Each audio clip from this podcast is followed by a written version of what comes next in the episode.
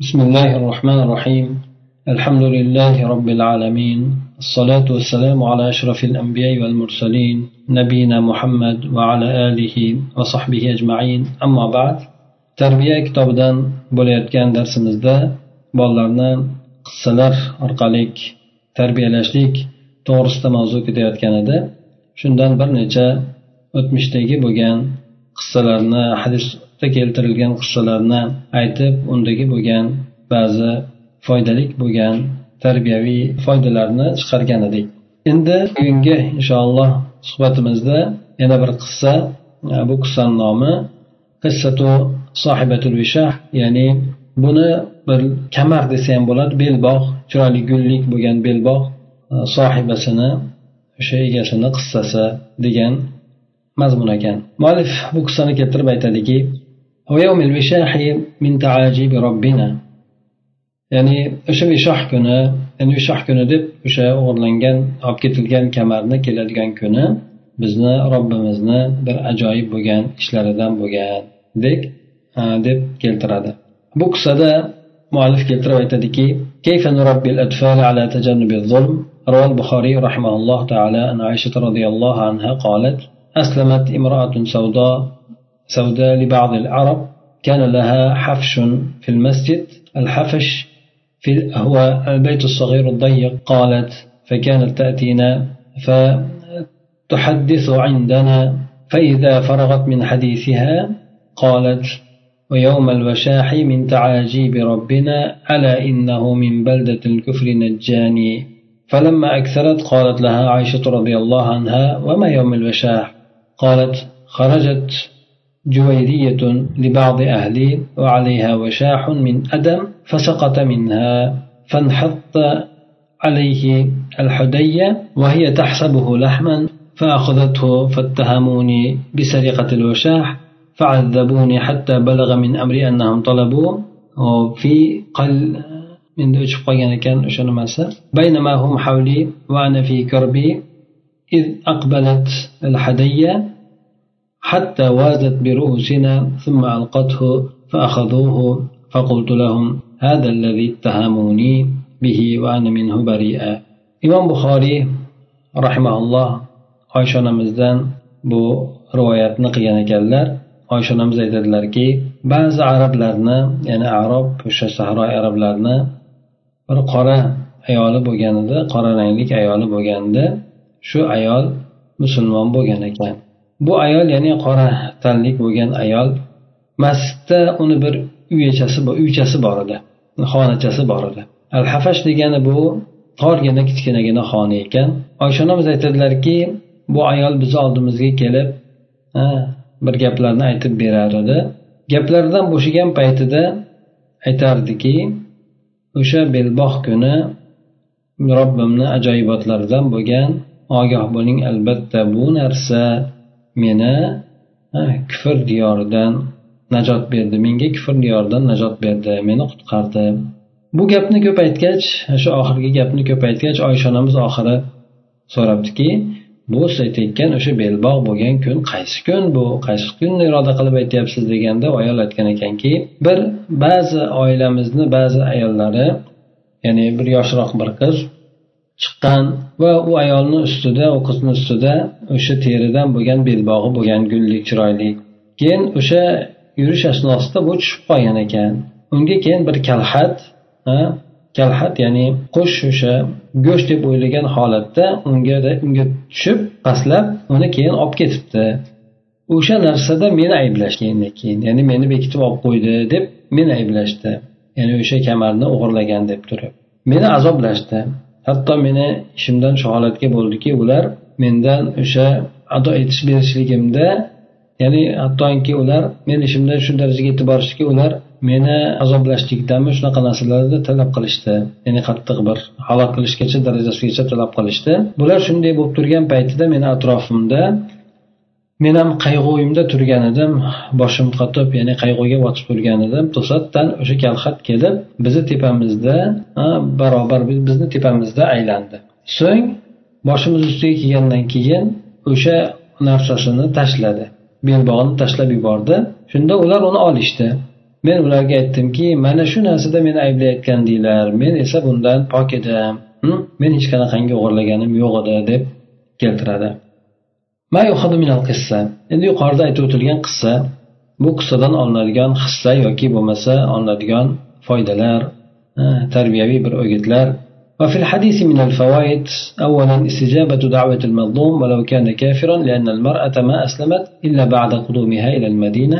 ثانيا الخروج من البلد الذي يحصل للمرء فيه محنة فلعله يتحول إلى ما هو خير منه كما وقع لهذه المرأة وكما أخبر الله عز وجل ومن يهاجر في سبيل الله يجد في الأرض مراغما كثيرا وسعة إرغاما لأنوف الذين اتحدوه وسعة له في الرزق. ثالثا الهجرة من دار الكفر إلى دار الإسلام إباحة المبيت والقيلولة في المسجد لمن لا مسكن له من المسلمين. رجلا كان أو امرأة بشرط أمن الفتنة وإباحة الاستظلال في المسجد بخيمة ونحوها. va bu qissadan olinadigan o'rgitlar odoblar bu hadisda bir qancha foydalar bor. Avvalo mazlum bo'lgan odamni duosini ijobat qilinishligi. Garchi bu mazlum kofir bo'lsa ham. Chunki bu ayol hanuz u voqea sodir bo'lganda musulmon bo'lmagan edi. Faqatgina u ayol madinaga kelgandan keyin musulmon bo'lgan. Avval demak u musulmon bo'lmagan edi. Uni qattiq zulm qilishadi o'shanda u duo qilganligi hamda alloh taolo duosini ijobat qilib o'sha qushni qaytadan yuborib o'sha narsasini ularni oldiga tashlashligi ikkinchidan esa hop insonga bir qiyinchilik bo'ladigan hosil bo'ladigan shahardan chiqib ketishlik. Qiyinchilik bo'laveradigan zug'um bo'laveradigan shahardan chiqib ketishligi. Shoyat ehtimol bu uning uchun yaxshiroq bo'lgan narsaga ko'chib o'tishligi ham mumkin bo'ladi. Ya'ni o'sha qiyinchilik bo'layotgan shaharni tashlab chiqib ketadigan bo'lsa ehtimol undan ko'ra yaxshiroq bo'lgan holatga uni holati aylanib qoladi. Mana xuddi mana bu ayol kabi bo'lgan edik. Chunonchi mana alloh taolo ham xabarini berganki kim ollohni yo'lida hijrat qiladigan bo'lsa bu odam yerda juda keng bo'lgan ko'p bo'lgan bir kengchiliklarni yaxshiliklarni topadi deb aytgan. Murog'aman degani bu uni zug'um qilgan unga nisbatan zug'um qilgan zulm qilgan juda qattiq qiynagan odamlarni burunlarini xorlashlik uchun. Burunlarini eshkashlik uchun hamda u odamga rizqda kengchilik bo'lishligi uchun hijrat qiladigan bo'lsa mana shunday narsalarni alloh uchun hijrat qiladigan bo'lsa shunday narsalarni topadi dedi. Demak bir odam bir joyga hijrat qiladigan bo'lsa xudo uchun alloh taolo unga keng imkoniyatlarni yaratib berar ekan. Bir tomondan bu imkoniyatlarni keng topilishligi uni xorlagan odamlarni g'ashini keltiradi. Hm? Xuddi hozir masalan o'zimizda bo'layotgani kabi endi. Ya'ni tashqarida yurgan odamlarni ham ko'rolmayaptiyu. Shunga o'xshagan demak o'sha qiynagan odamlarni burunlarini xorlash uchun ularni g'azabini keltirishlik uchun alloh taolo tomonidan kengliklar bo'ladi hamda u odamga rizq rizq tomonidan ham kengchilik bo'ladi. Bu ikkinchidan edi.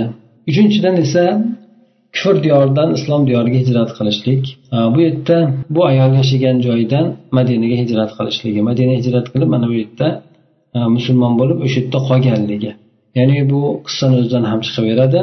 Boshqa dalillardan ham chiqadiki bu kufr diyoridan islom diyoriga hijrat qilinishligi. Yana bu qissadan olinadigan narsa masjidda uxlashlik yoki dam olishlik kunduz kuni dam olishlik yoki kechasi yotib qolishlik mubah ekanligi. Albatta bu musulmonlardan uy joy topolmaydigan odamlar uchun ko'proq bo'ladi bu narsa. U erkak kishi bo'lsin ayol kishi bo'lsin sharti shu fitnadan omonda bo'lishligi.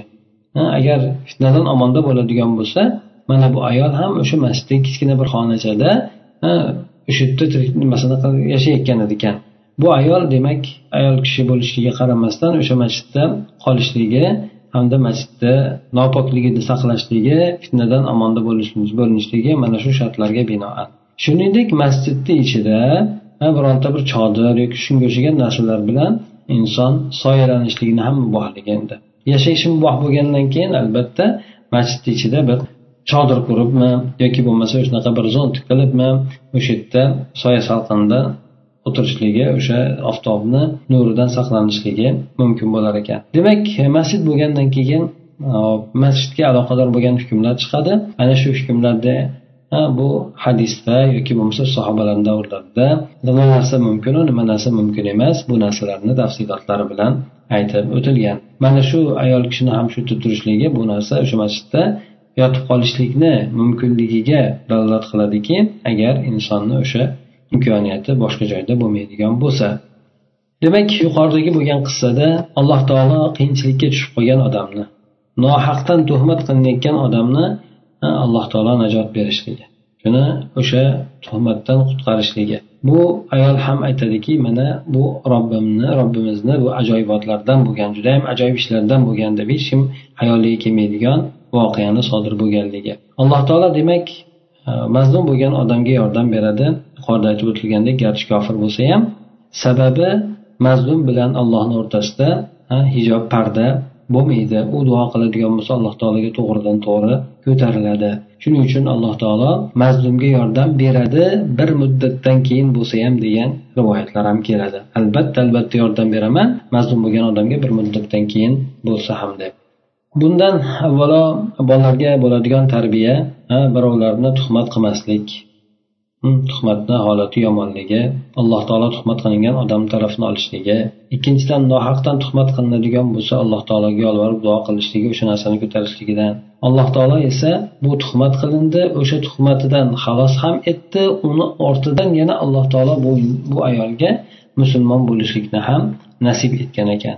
u yerdan u ayol chiqib ketishlikka majbur bo'ladi shu tuhmat qilganligi sababli bu esa u ayolni islomga yetaklab keladi demak odam bir qiyinchilik ko'radigan bo'lsa alloh taolo tomonidan o'sha qiyinchiligidan xalos etishligi bilan birgalikda shuningdek yaxshilik ne'matlarini ham ato etishligi bor ekan undan keyingi qissada keltirib o'tiladiki qissat abi hurara roziyallohu anhu مع الشيطان كيف نعلم أولادنا التوقي من الشيطان والتعوذ والتعود على الأذكار. قال البخاري رحمه الله باب الوكالة. عن أبي هريرة رضي الله عنه قال وكلني رسول الله صلى الله عليه وسلم بحفظ زكاة رمضان فأتاني آت فجعل يحثو من الطعام فأخذته وقلت له وقلت والله لا أرفعنك إلى رسول الله صلى الله عليه وسلم.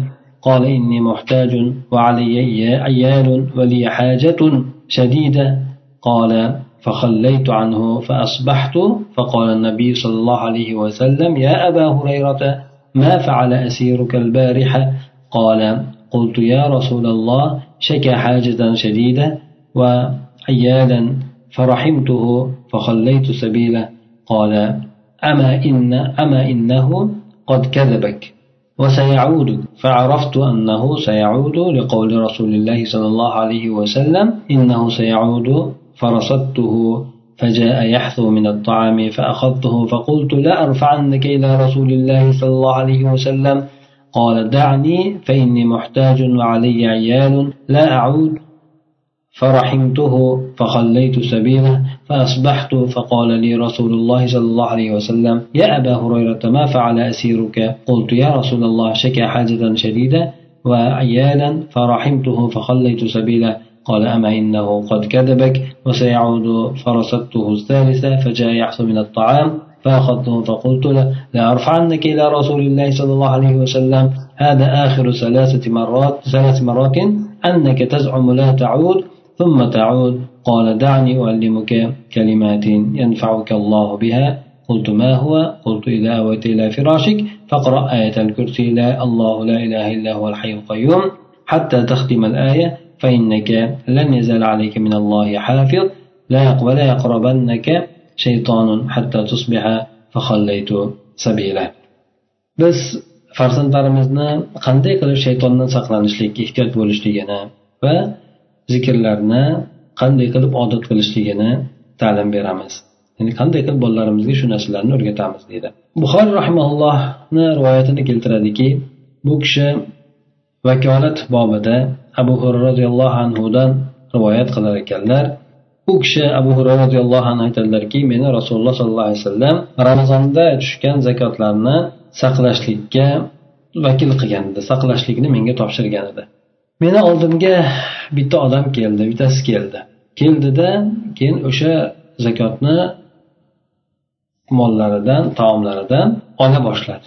Men uni tutib oldim va aytdimki allohga qasamki seni rasululloh sollallohu alayhi vasallamga ko'taraman ishingni. Ya'ni u kishini oldiga borib seni ko'tarib olib boraman seni dedi u aytdiki men muhtojman meni bola chaqam bor qattiq hojatim bor e, ehtiyojim qattiq kambag'alman deb aytdi. Abu hurayra aytadiki men keyin uni yo'lini qo'yib yubordim. Holi qo'ydim uni. Bo'pti deb qo'yib yubordi. Narsalarni qoldirib o'zini qo'yib yubordi. Keyin tong ottirdim.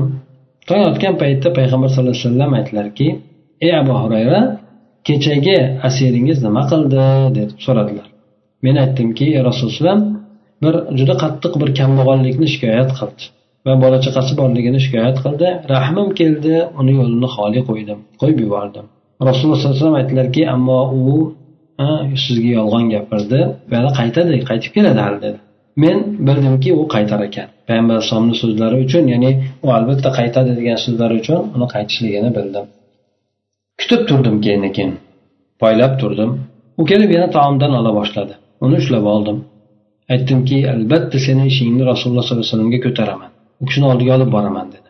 Shunda aytdiki meni qo'ygin men muhtojman kambag'alman meni bola chaqalarim bor endi qaytib kelmayman dedi. Shunda ham meni rahmim keldi. Uni yo'lini xoli qo'ydim qo'yib yubordim. Tong turganimda menga rasululloh alayhi vasallam aytdilarki abu hurayra sizni asiringiz nima qildi? dedi. Men aytdimki rasululloh u qattiq bir kambag'allikni shikoyat qildi. Bola chaqam bor dedi kambag'alman dedi. Rahmim keldi uni qo'yib yubordi. Yana payg'ambar alayhisalom aytdilarki ammo u sizga yolg'on gapirdi yana qaytadi. Hali qaytadi sizga dedi. Shunda men uni uchinchi marta kuzata boshladim poylay boshladim. Shunda u kelib taomdan ola boshladi. Men uni ushlab oldim. Aytdimki endi mana rasulullohga seni ishingni ko'taraman. U kishini oldiga olib boraman dedi. Oxirgi uchinchi marta. Endi demak imkoniyating yo'q demoqchi. Sen qaytmayman deb ayta aytdingu lekin mana qaytyapsan. Endi uchinchi martasi bo'ldi bundan keyin endi bo'lmaydi. Mana shu safar seni seni rasulullohni oldiga olib boraman deb aytdim deydi shunda u aytdiki qo'ygin men senga bir so'zlarni o'rgataman. Alloh taolo u bilan senlarga senga foyda bersa ajabmas. Men aytdimki qanday so'zlar ekan? U aytdiki agar to'shagingga yotadigan bo'lsang oyatal kursini o'qigan. Allohu la ilaha illahu hayyul qayyum allohdan boshqa iloh yo'q. U barhayot hamma narsani boshqarib turuvchi bo'lgan zot degan shu deb boshlanuvchi oyatal kursini o'qigin dedi. Hattoki oyatni tugatasan tugatgungacha o'qigan. Shunda olloh tomonidan seni ustingda bir saqlovchi davomiy bo'ladi davomiy bo'ladi.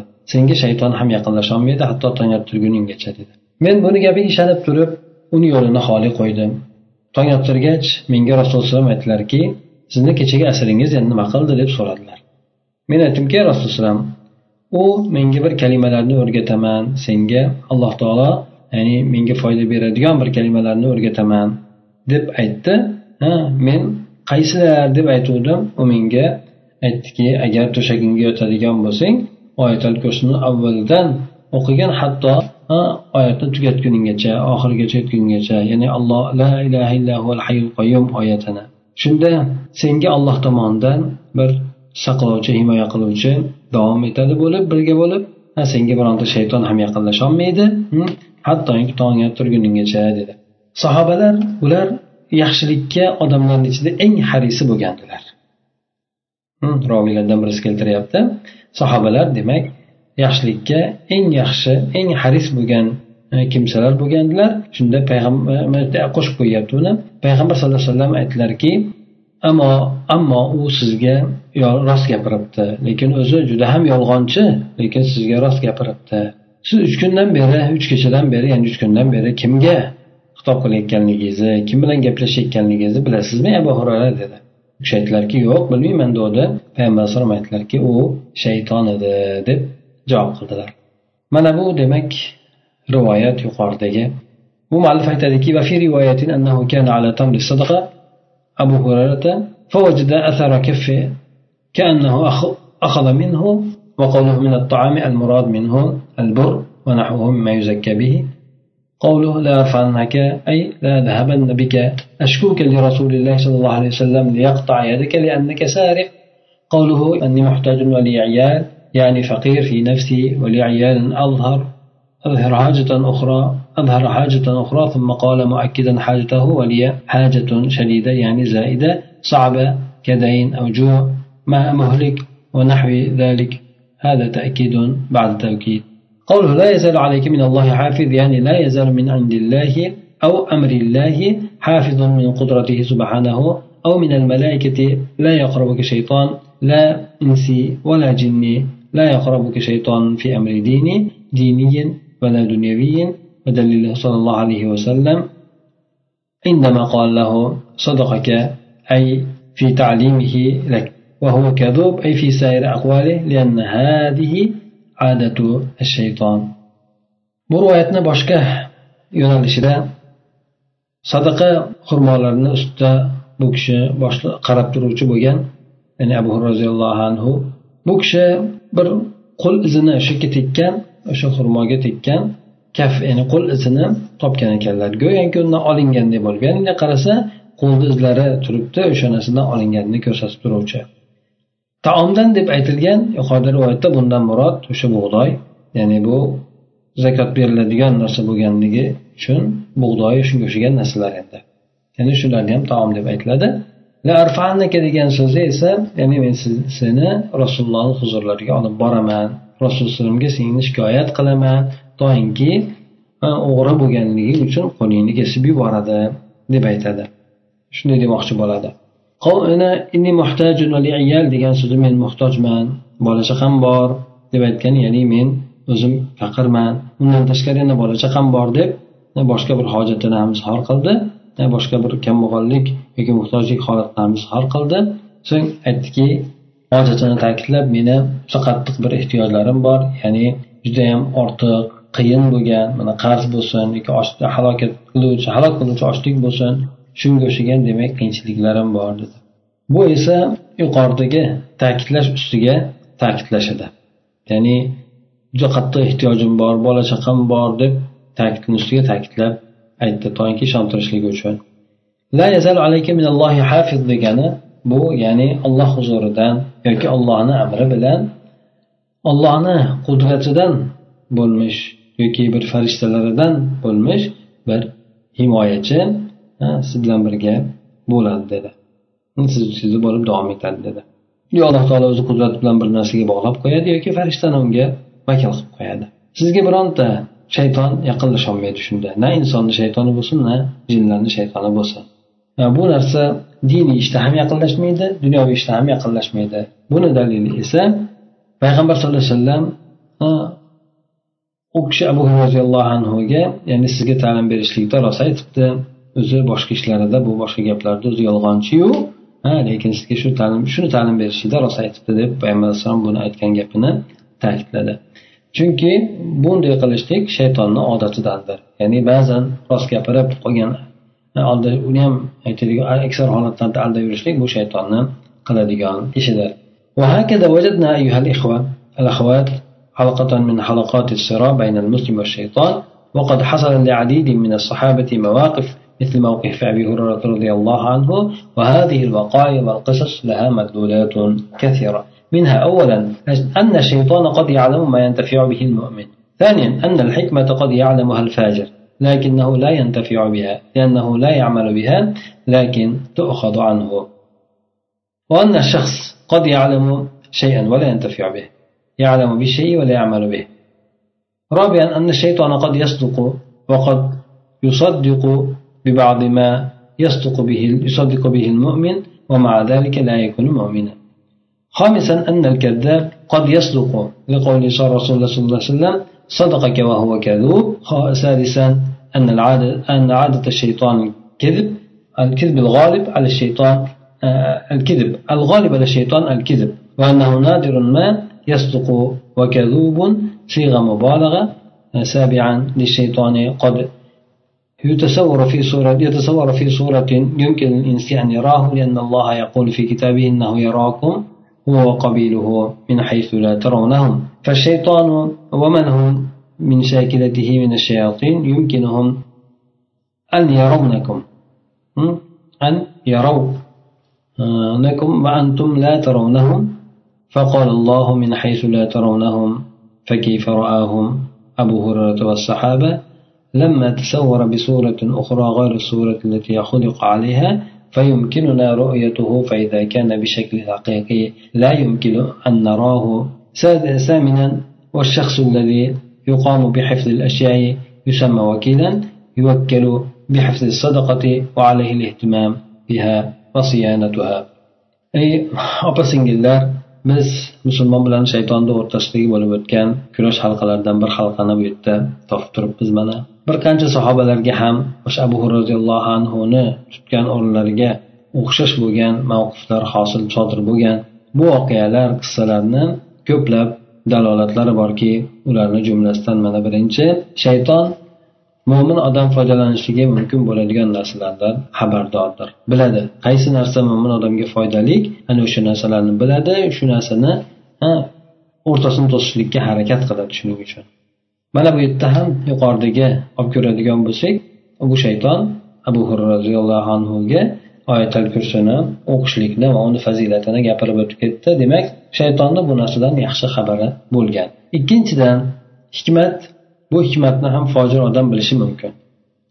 Ha hikmatni demak bu shayton bu yerda oyatal kursini o'qiydigan bo'lsa shunday unga hech qanaqangi ya'ni mo'min odam o'qiydigan bo'lsa shayton hech qanaqangi yaqinlashmaydi deb shayton xabarini berdi demak bu yerda bilar ekanu lekin u bilan o'zi foydalanmaydi sababi amal qilmaydida lekin amal qilinmagani bilan unday bo'lgan odamlarni faqat ma'lumot sifatida aytishadigan bo'lsa bunday olib foydalanishlik mumkin bo'ladi uchinchidan esa bir shaxs ba'zan bir narsani biladiyu undan foydalanmaydi ya'ni bir narsani biladiyu bilan amal qilmaydi amal qilmagandan keyin foydalanmaydi uni o'zidagi ma'lumotni bo'lishligi hech qanaqangi unga foyda keltirmaydi. To'rtinchidan shayton ba'zan rost gapirib qo'yadi va mo'min odam tasdiq etgan narsalarni ba'zilarini bu ham tasdiq etadi. Shu bilan birgalikda mo'min bo'lmaydi. Demak shayton ba'zan rost gapirib qo'yishligi mo'min tasdiq etgan narsalarni tasdiq etishligi bu narsa bilan birgalikda shunday qilsa ham baribir mo'min bo'lmaydi chunki albatta unda nafaqat tasdiq rost gapirishligi tasdiqlashligi balki iymon keltirishligi zarur bo'lgan barcha narsalarga iymon keltirishligi ham kerak bo'ladi. Beshinchidan yolg'onchi bo'lgan odam ba'zan rost gapirishligi mumkin. Mana payg'ambar sallallohu alayhi vasallam aytdilarki o'zi g'irt yolg'onchiyu lekin sizga rost gapiribdi dedi. Oltinchidan shaytonni odati yolg'onchilikdir. Chunki ular odamlarni qanday aldashlikni bir biriga o'rgatishadi. O'zini zurriyotiga ham sheriklariga ham odamlarni qanday aldashlikni demak o'zaro bir birlariga vasiyat qilishadi. Shu narsalarda qattiq mahkam o'rganishadi. Mana buni demak aytilyaptiki shaytonni odati yolg'onchilik. Shaytonlarga g'olib bo'lgan narsa ham yolg'onchilik. Hm? Bu kamdan kam rost gapiradi.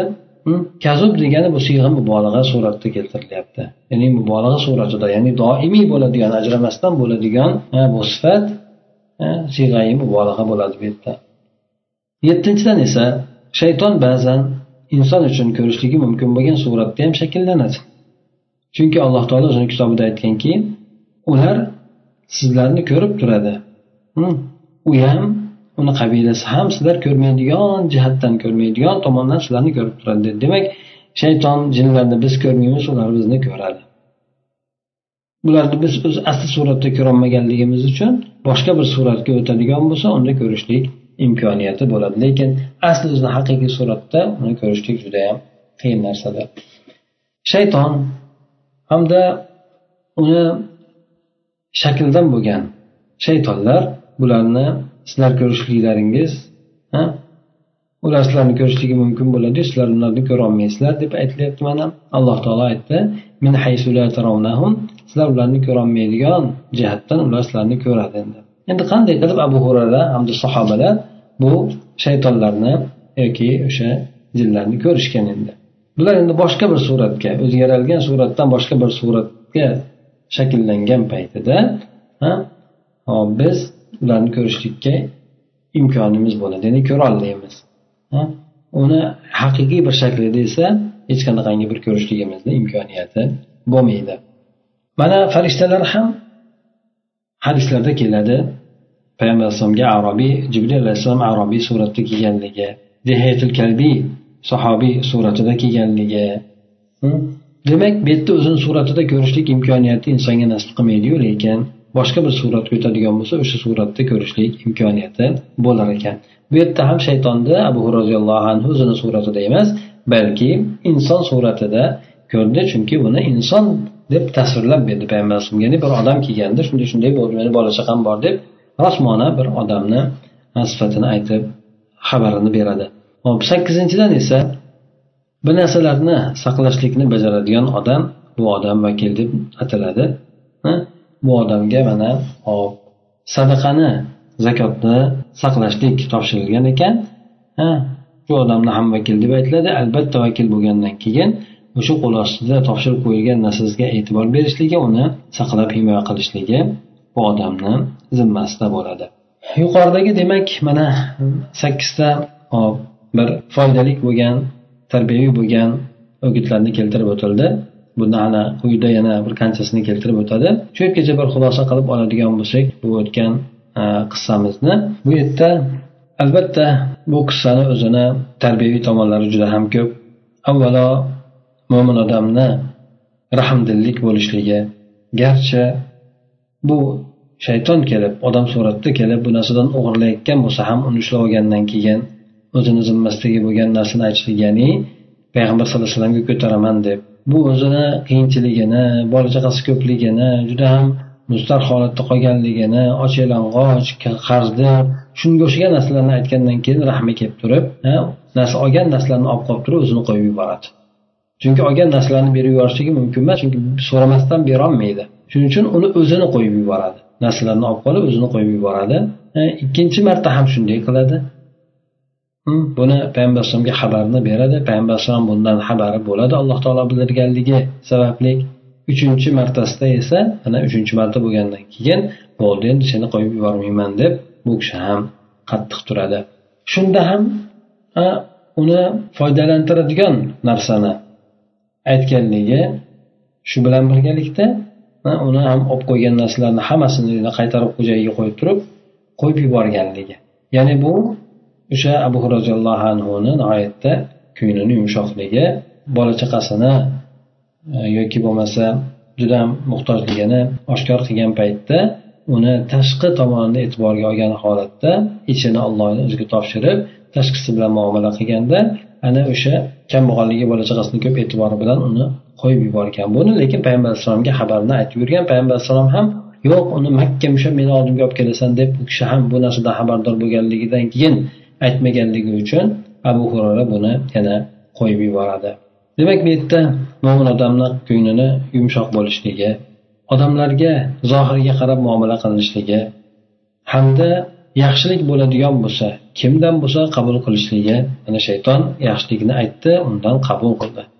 Hamda o'sha o'zi ishonib topshirilgan narsada xiyonat qilmasligi uni nihoyatda e'tibor berib rioya qilishligi bu narsalar demak keyin undan tashqari o'sha topshiriladigan shu ishni himoyani yoki bo'lmasa bir narsani saqlashlikni topshiriladigan odam ham omonatdor bo'lishligi. Avvalo shuning uchun bu yerda abu roziyallohu anhu nima bo'lgan bo'lsa payg'ambar alayhisalomga shuni xabarini berdi. Bu kishi ushlab makka meni oldimga olib kel demaganligi uchun u kishi rahmi kelgan o'rinda uni qo'yib yuboraveradi. Rahmi kelgan o'rinda undan narsalarni olib turib qo'yib yuboraveradi. Shuning uchun demak yana bundan keyin ham mana bir qancha o'gitlarni o'shandan chiqadigan tarbiyaviy bo'lgan narsalarni aytib o'tiladi inshaalloh. Demak yomon yolg'onchilik yaxshilikka olib bormaydi. Demak mo'min odam doim rost gapirishlik kerak. Yolg'onchilik esa odamni sharmanda bo'lishiga ham olib boradi.